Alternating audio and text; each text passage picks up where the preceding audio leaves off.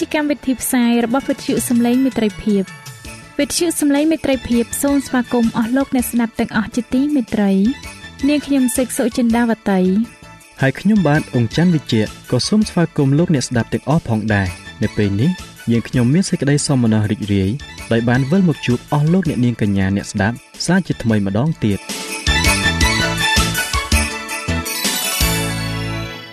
នាងខ្ញុំសេកសុចិន្តាវតី សូមជម្រាបជូនកម្មវិធីផ្សាយដែលមានជាបន្តបន្ទាប់ដូចតទៅនេតិជួបជាមួយព្រះបន្ទូលនេតិស្ពានជីវិត ចា៎លោកអ្នកស្ដាប់ជាទីមេត្រី នាងខ្ញុំសូមគោរពអញ្ជើញអស់លោកលោកស្រី អ្នកនាងកញ្ញាតាមដានស្ដាប់កម្មវិធីផ្សាយរបស់វិទ្យុយើងខ្ញុំដូចតទៅ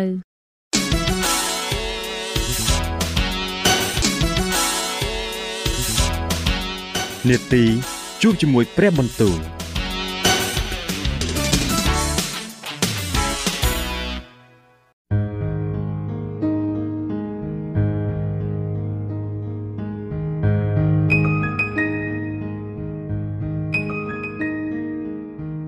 ចា៎អស់លោកអ្នកស្ដាប់ជាទីមេត្រី ជាដំបូងនាងខ្ញុំសូមអញ្ជើញលោកអ្នកនាងស្ដាប់នេតិជួបជាមួយព្រះបន្ទូលនេតិនេះនឹងលើកយកព្រះបន្ទូល ពីព្រះគម្ពីរទំនុកដង្កើងដែលនឹងជម្រាបជូនដល់លោកអង្គច័ន្ទវិជ្ជៈដូចតទៅ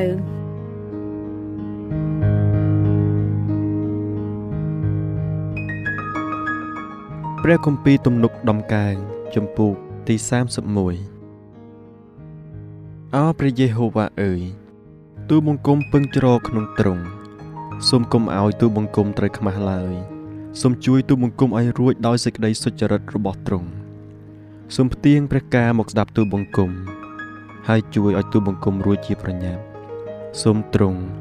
ធ្វើជាថ្មដើមមមួនដល់ទូបង្គំ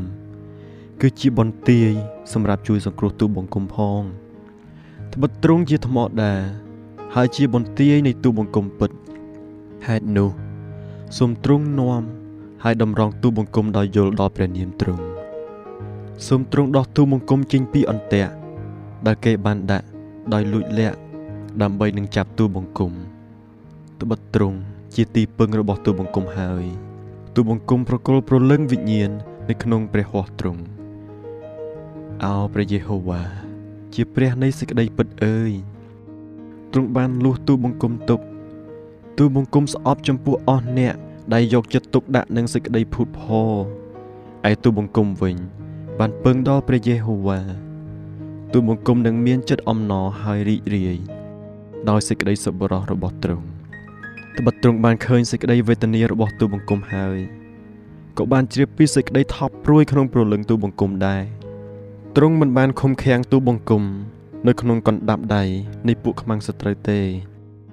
គឺទ្រង់បានដាក់ជើងទូបង្គំឲ្យនៅទីធំទូលាយវិញអោព្រះយេហូវ៉ាអើយសូមប្រោះមេត្តាចំពោះទូបង្គំ ត្បិតទូបង្គំមានសេចក្តីទុក្ខលំបាកភ្នែកទូបង្គំកាន់តែខ្សោយទៅ ដោយសេចក្តីសោយសោកព្រមទាំងចិត្តនិងខ្លួនប្រាណនៃទូបង្គំផងត្បិតជីវិតទូបង្គំនឹងផុតទៅ ដោយសេចក្តីទុក្ខព្រួយ ហើយអស់ទាំងឆ្នាំនៃអាយុទូបង្គំ ដោយដំងោផងកម្លាំងនៃទូបង្គំចេះតែខ្សោយទៅ ដោយព្រោះសេចក្តីទុច្ចរិតនៃទូបង្គំ ហើយអស់ទាំងឆ្អឹងទូបង្គំក៏ខ្សោះទៅដែរទូបង្គំបានត្រឡប់ ជាទីដៀលថ្មេះដោយព្រោះពួកតតាំងនឹងទូបង្គំអើដល់ទាំងពួកអ្នកចិត្តខាងនៃទូបង្គំជាខ្លាំងហើយជាសេចក្តីគួរខ្លាចដល់ពួកដែលធ្លាប់ស្គាល់ទូបង្គំផងពួកអ្នកដែលបានឃើញទូបង្គំនៅខាងក្រៅនោះក៏រត់ចេញពីមុខទូបង្គំទៅ មនុស្សបានភ្លេចទូបង្គំបង ដូចជាគេលែងនឹកពីមនុស្សណាដែលស្លាប់បាត់ហើយ ទូបង្គំក៏ដូចជាឆ្នាំងដែលបែកធ្លាយដែរ ត្បិតទូបង្គំបានលើពាក្យបង្កាច់របស់មនុស្សជាច្រើន មានសេចក្តីស្ញែងខ្លាចនៅគ្រប់ជុំវិញ ហើយកំពុងដែលគេពិគ្រោះគ្នាទាស់នឹងទូបង្គំនោះក៏បង្កើតកិច្ចកលនិងដកជីវិតទូបង្គំចេញតែអោព្រះយេហូវ៉ាអើយទូបង្គំបានទុកចិត្តដល់ទ្រង់ទូបង្គំបានថាទ្រង់ជាព្រះនៃទូបង្គំឯថ្ងៃអាយុរបស់ទូបង្គំសុទ្ធតែនៅក្នុងព្រះហស្ថទ្រង់ សូមជួយទូបង្គំឲ្យរួចពីកណ្ដាប់ដៃនៃពួកសត្រូវរបស់ទូបង្គំហើយពីអស់អ្នកដែលបៀតបៀនដល់ទូបង្គំដែរសូមឲ្យព្រះភ័ក្ត្រទ្រង់ភ្លឺមកលើអ្នកបម្រើទ្រង់សូមជួយសង្គ្រោះទូបង្គំ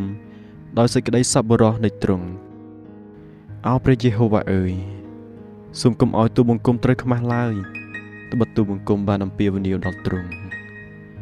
សូមឲ្យពួកមនុស្សអាក្រក់មានសេចក្តីខ្មាស់វិញ សូមឲ្យគេស្ងៀមនៅក្នុងស្ថានខំប្រលឹងមនុស្សស្លាប់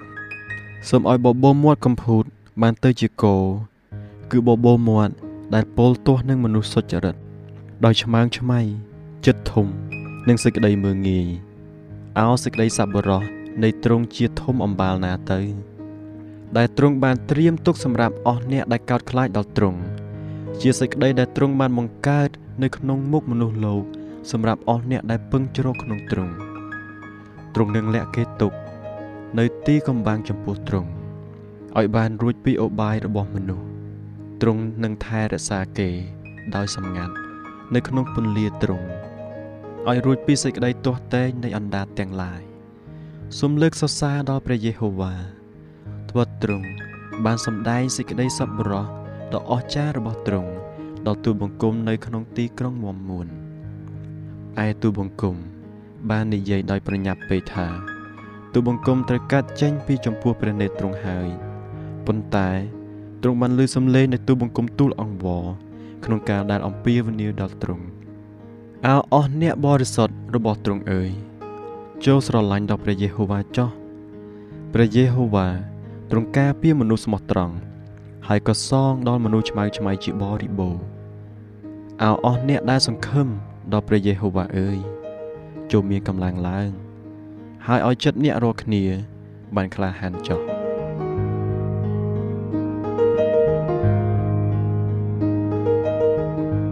ព្រះគម្ពីរទំនុកដំកើងចំពូកទី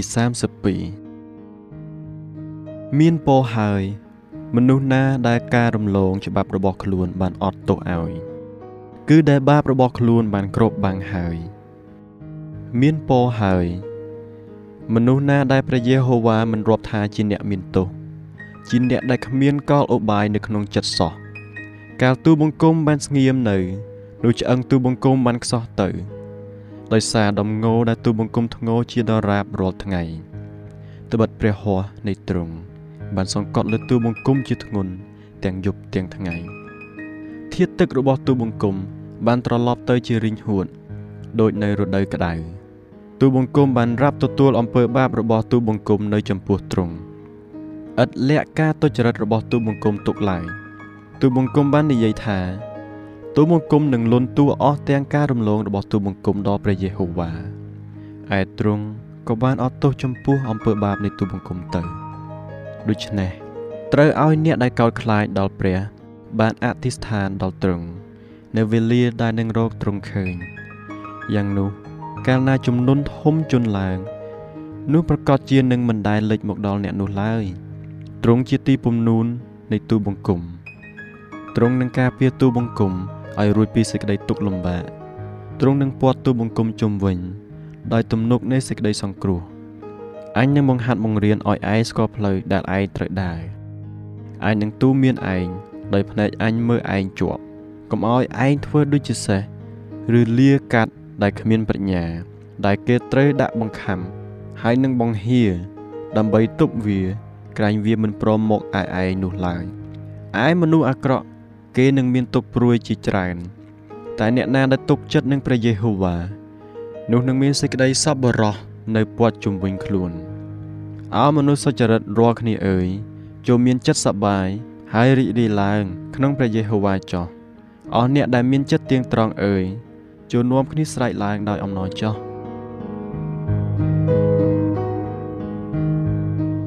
ព្រះគម្ពីរទំនុកដំកើងចំពោកទី33អោពួកអ្នកសុចរិតអើយចូលមានចិត្តរីករាយក្នុងព្រះយេហូវ៉ាចោះបុត្រសេចក្តីសរសើរនោះសំណំដល់មនុស្សទៀងត្រង់ចូលអរព្រះគុណដល់ព្រះយេហូវ៉ាដោយចាប់សង់ហើយច្រៀងសរសើរថ្វាយទ្រង់ដោយដេញពិនខ្សែ10 ជួយច្រៀងទំនប់ថ្មីថ្វាយទ្រង់ហើយលេងភ្លេងឲ្យលឺរងំដោយពិនប្រសពត្បិតព្រះបន្ទូលនៃព្រះយេហូវ៉ាត្រឹមត្រូវហើយបណ្ដាកិច្ចការនៃទ្រង់បានធ្វើដោយស្មោះត្រង់ដែរទ្រង់ស្រឡាញ់សេចក្តីសុចរិត និងសេចក្តីយុត្តិធម៌ផែនដីមានពេញដោយសេចក្តីសប្បុរសនៃព្រះយេហូវ៉ាផ្ទៃមេឃបានកើតមកដោយសារព្រះបន្ទូលព្រះយេហូវ៉ាហើយពួកបរិវារនៅលើនោះ បានកើតឡើងដោយសារខ្យល់ពីព្រះអស់ទ្រង់ទ្រង់បង្កទឹកសមុទ្រឡើង ដូចជាគំនរទ្រង់យកទីជម្រៅដាក់ទុកក្នុងឃ្លាំងចូលឲ្យគ្រប់ផែនដី ខ្លាចចំពោះព្រះយេហូវ៉ាហើយឲ្យគ្រប់មនុស្សនៅលោកីហើយឲ្យគ្រប់មនុស្សនៅលោកីកោតក្រែងដល់ទ្រង់ចោះត្បិតទ្រង់គ្រាន់តែមានបន្ទូល នោះក៏កើតមានដូច្នោះទ្រង់បានបង្គាប់នោះក៏មាននៅព្រះយេហូវ៉ា ទ្រង់ធ្វើឲ្យសេចក្តីប្រឹក្សានៃអស់ទាំងនគរបានថ្លោះការទ្រង់ធ្វើឲ្យគំនិតនៃជនទាំងឡាយបាននៅជាឥតការឯដំបូលមានផងព្រះយេហូវ៉ាវិញ នោះនៅជាប់ជានិច្ចហើយដំរេះក្នុងព្រះハរតីទ្រង់ក៏នៅជាដរាបដល់អស់ទាំងដំណរតទៅ មានពរហើយនគរណាដែលយកព្រះយេហូវ៉ាទុកជាព្រះរបស់ខ្លួន គឺជាសាសដែលទ្រង់បានរើសទុកជាមរតករបស់ទ្រង់ព្រះយេហូវ៉ា ទ្រង់ទតមើលពីលើស្ថានសួគ៌ទ្រង់ឃើញមនុស្សលោកទាំងអស់ទ្រង់ទតមកពីស្ថានដ៏ជាទីលំនៅរបស់ទ្រង់ក៏ឃើញអស់អ្នកដែលនៅផែនដីផងគឺទ្រង់ហើយដែលស្អាងចិត្តគេក៏ពិចារណាមើលអស់ទាំងការដែលគេបានធ្វើដែរគ្មានស្ដេចណាបានសង្គ្រោះដោយមានពលទ័ពច្រើនឡើយ មនុស្សខ្លាំងពូកែក៏មិនបានរួចដោយមានកម្លាំងយ៉ាងខ្លាំងនោះដែរឯសេះនោះឥតប្រយោជន៍ នឹងពឹងឲ្យបានសានត្រានក៏មិនអាចនឹងជួយឲ្យអ្នកណារួចដោយសារកម្លាំងដ៏ខ្លាំងរបស់វាដែរមើលព្រះនេតនៃព្រះយេហូវ៉ាតូតមកលើអស់អ្នកដែលកោតខ្លាចដល់ទ្រង់គឺមកពួកអ្នកដែលសង្ឃឹមនៅសេចក្តីសប្បុរសទ្រង់ដើម្បីនឹងជួយឲ្យប្រលឹងគេរួចពីស្លាប់ហើយការពារឲ្យគេរស់នៅក្នុងគ្រាអំណត់ប្រលឹងនៃយើងខ្ញុំ សង្ឃឹមដល់ព្រះយេហូវ៉ាទ្រង់ជាជំនួយ ហើយជាខែរបស់យើងខ្ញុំត្បិតចិត្តយើងខ្ញុំនឹងរីករាយឡើងក្នុងទ្រង់ពីព្រោះយើងខ្ញុំបានទុកចិត្តដល់ព្រះនាមបរិសុទ្ធរបស់ទ្រង់ហើយអោព្រះយេហូវ៉ាអើយសូមឲ្យសេចក្តីសប្បុរសរបស់ទ្រង់សន្ធិដ្ឋនៅលើយើងខ្ញុំ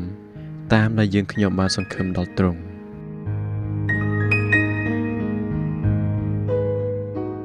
ចា៎ប្រិយមិត្តអ្នកស្ដាប់ជាទីមេត្រី ដោយពេលវេលាមានកំណត់ យើងខ្ញុំសូមផ្អាកនេតិជប់ជាមួយព្រឹបបន្ទូលនេះត្រឹមតែប៉ុណ្ណេះសិនចុះដោយសន្យាថានឹងលើកយកនីតិនេះមកជម្រាបជូនជាបន្តទៀតនៅថ្ងៃច័ន្ទសប្តាហ៍ក្រោយ សូមអរគុណ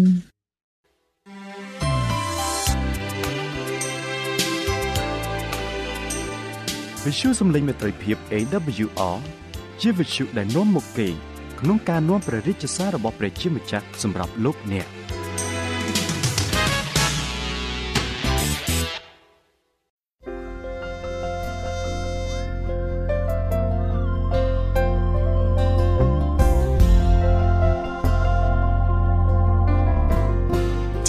ជាបន្តទៅទៀតនាងខ្ញុំសូមគោរពអញ្ជើញអស់លោកអ្នកនាង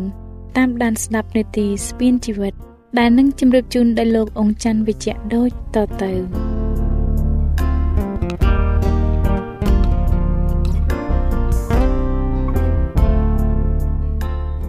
ខ្ញុំបាទសូមជម្រាបសួរអស់លោកអ្នកស្ដាប់ជាទីមេត្រីសូមឲ្យលោកអ្នកបានប្រកបដោយព្រះគុណនិងសេចក្តីសុខសាន្តអំពីព្រះដ៏ជាព្រះវរបិតានៃយើង ហើយអំពីព្រះអម្ចាស់យេស៊ូវគ្រីស្ទខ្ញុំបាទមានអំណរណាស់ដែលវិលមកជួបលោកអ្នកក្នុងនីតិស្ពានជីវិតនេះសារជាថ្មីម្ដងទៀតហើយនៅថ្ងៃនេះខ្ញុំបាទសូមលើកយកមេរៀនទី13ដដែលតែភាគទី2ជាភាគបញ្ចប់ដែលនិយាយពីថ្ងៃឈប់សម្រាកឬថ្ងៃបរិសុទ្ធដែលព្រះបានប្រទានដល់មនុស្សលោកកាលពីភាគទី1ខ្ញុំបាទបានជម្រាបជូនលោកអ្នកពីចំណុចទី1និងចំណុចទី2រួចមកហើយ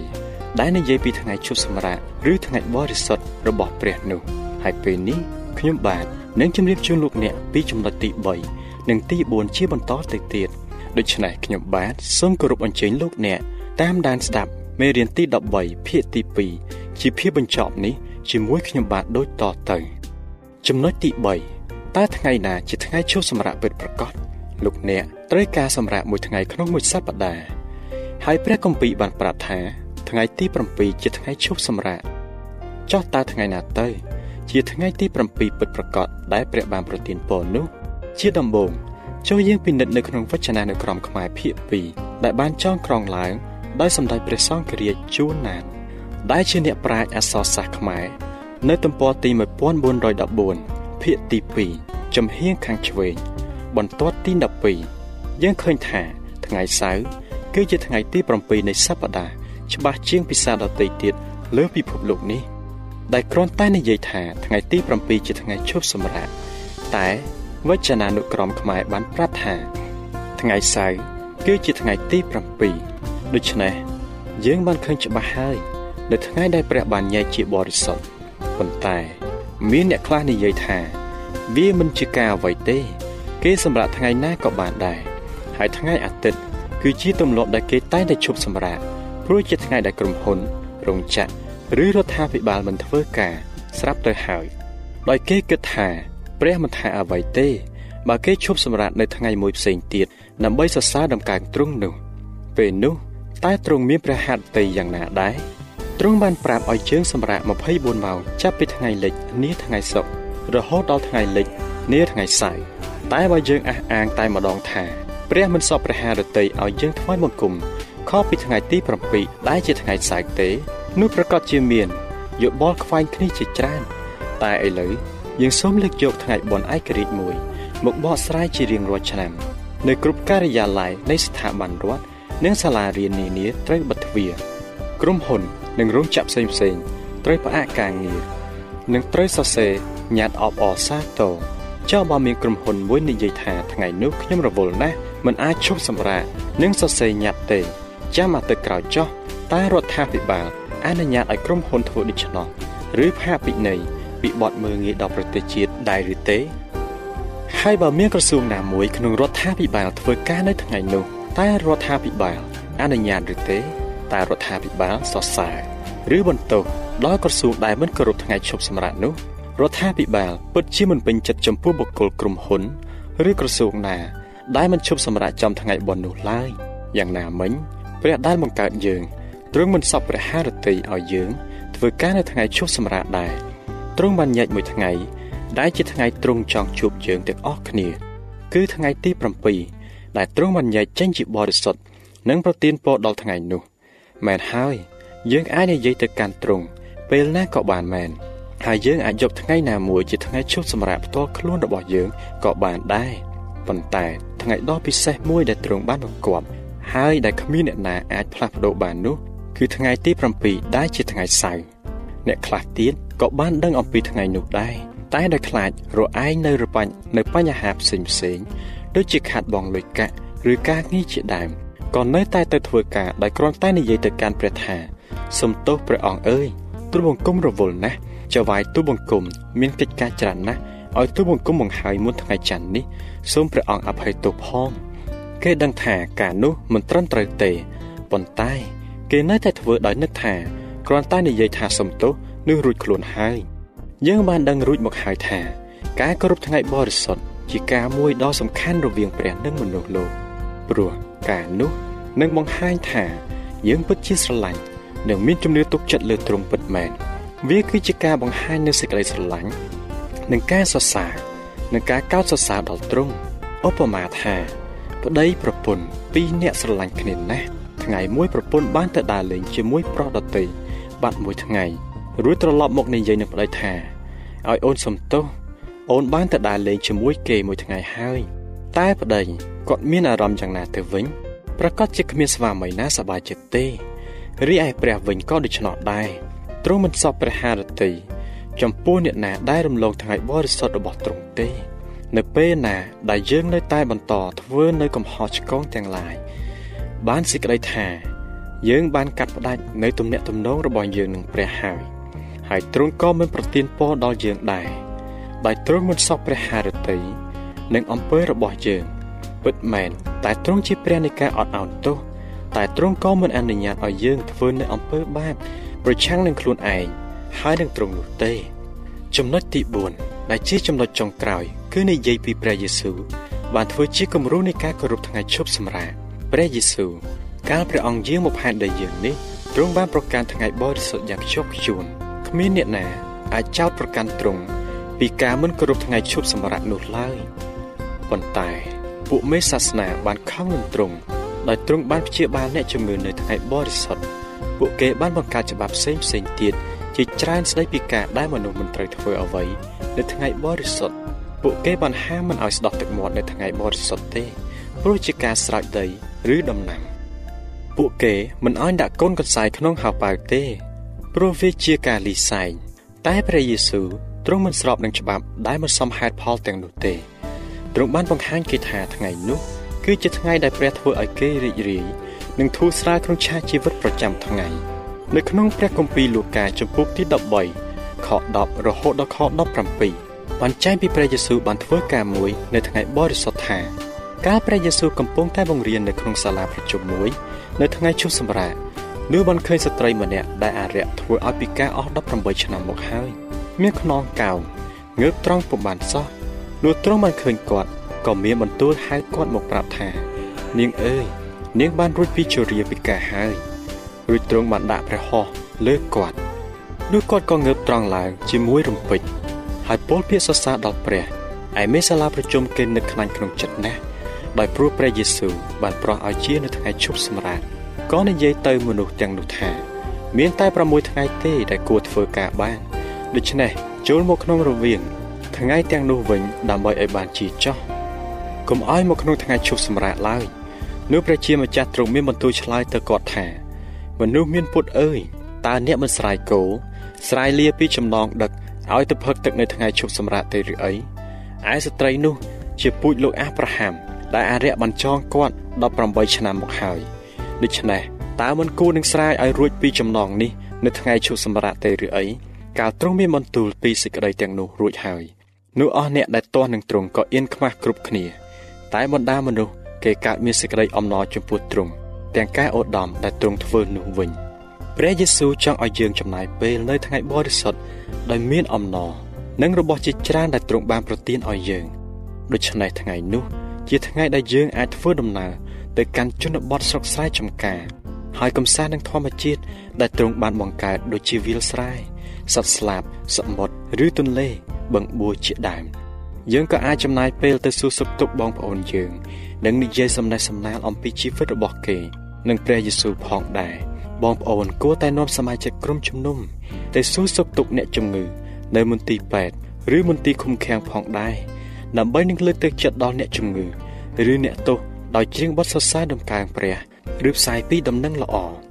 ជួនកាលអ្នកអាចសិក្សាពីព្រះនៅថ្ងៃបរិសុទ្ធដោយលេងល្បែងព្រះគម្ពីរឬជួបជុំជាមួយក្រុមជំនុំដទៃទៀតមែនថ្ងៃបរិសុទ្ធគឺជាថ្ងៃសប្បាយ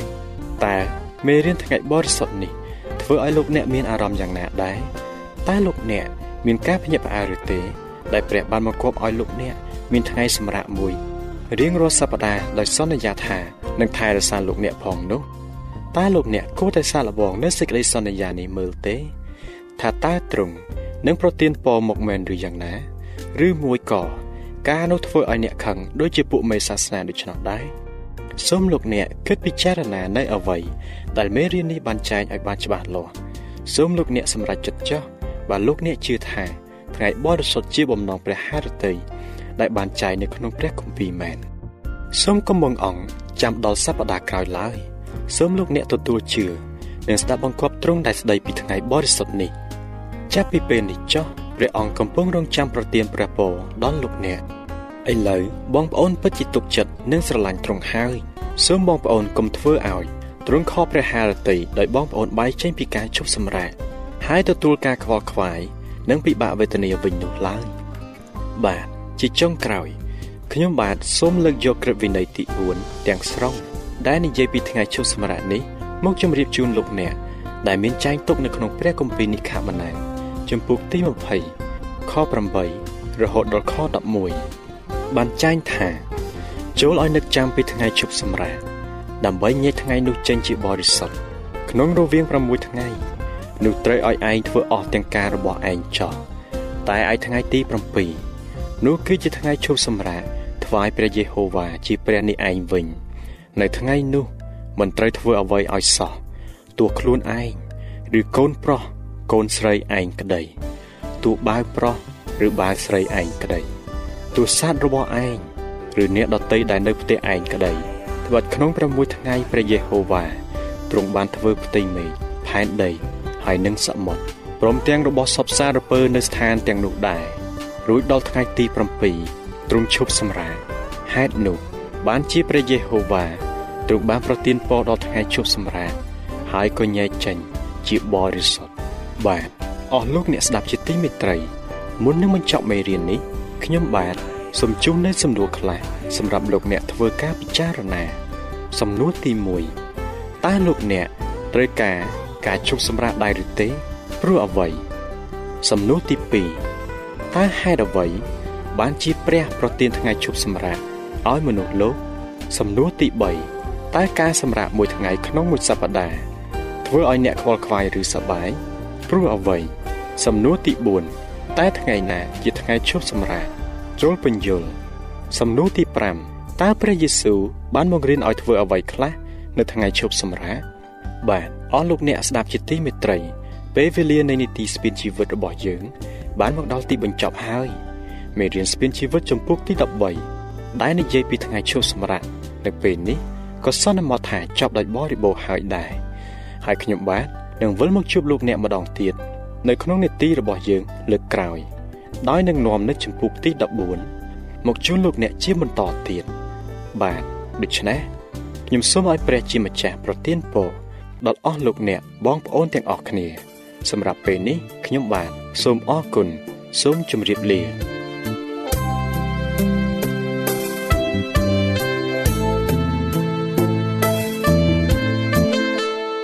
បើសិនជាលោកអ្នកមានសំណួរឬសំណុំពរអ្វីសូមតាក់ទងមកការិយាល័យវិទ្យុយើងខ្ញុំ តាមអាស័យដ្ឋានផ្ទះលេខ15ផ្លូវលេខ568សង្កាត់បឹងកក់2ខណ្ឌទួលគោករាជធានីភ្នំពេញលោកអ្នកក៏អាចសរសេរសម្បត្តិផ្ញើមកយើងខ្ញុំ តាមរយៈប្រអប់សម្បត្តិលេខ488ភ្នំពេញឬតាមទូរស័ព្ទលេខ012 34 96 64ឬ097 80 81 060ឬក៏តាមរយៈអ៊ីមែល vol@awr.org យើងខ្ញុំរងចាំទទួលស្វាគមន៍អស់លោកអ្នកនាងដោយក្តីសោមនស្សរីករាយហើយលោកអ្នកក៏អាចស្ដាប់កម្មវិធីនេះឡើងវិញ ដោយចូលទៅកាន់ website របស់វិទ្យុយើងខ្ញុំ តាមរយៈអាស័យដ្ឋាន www.awr.org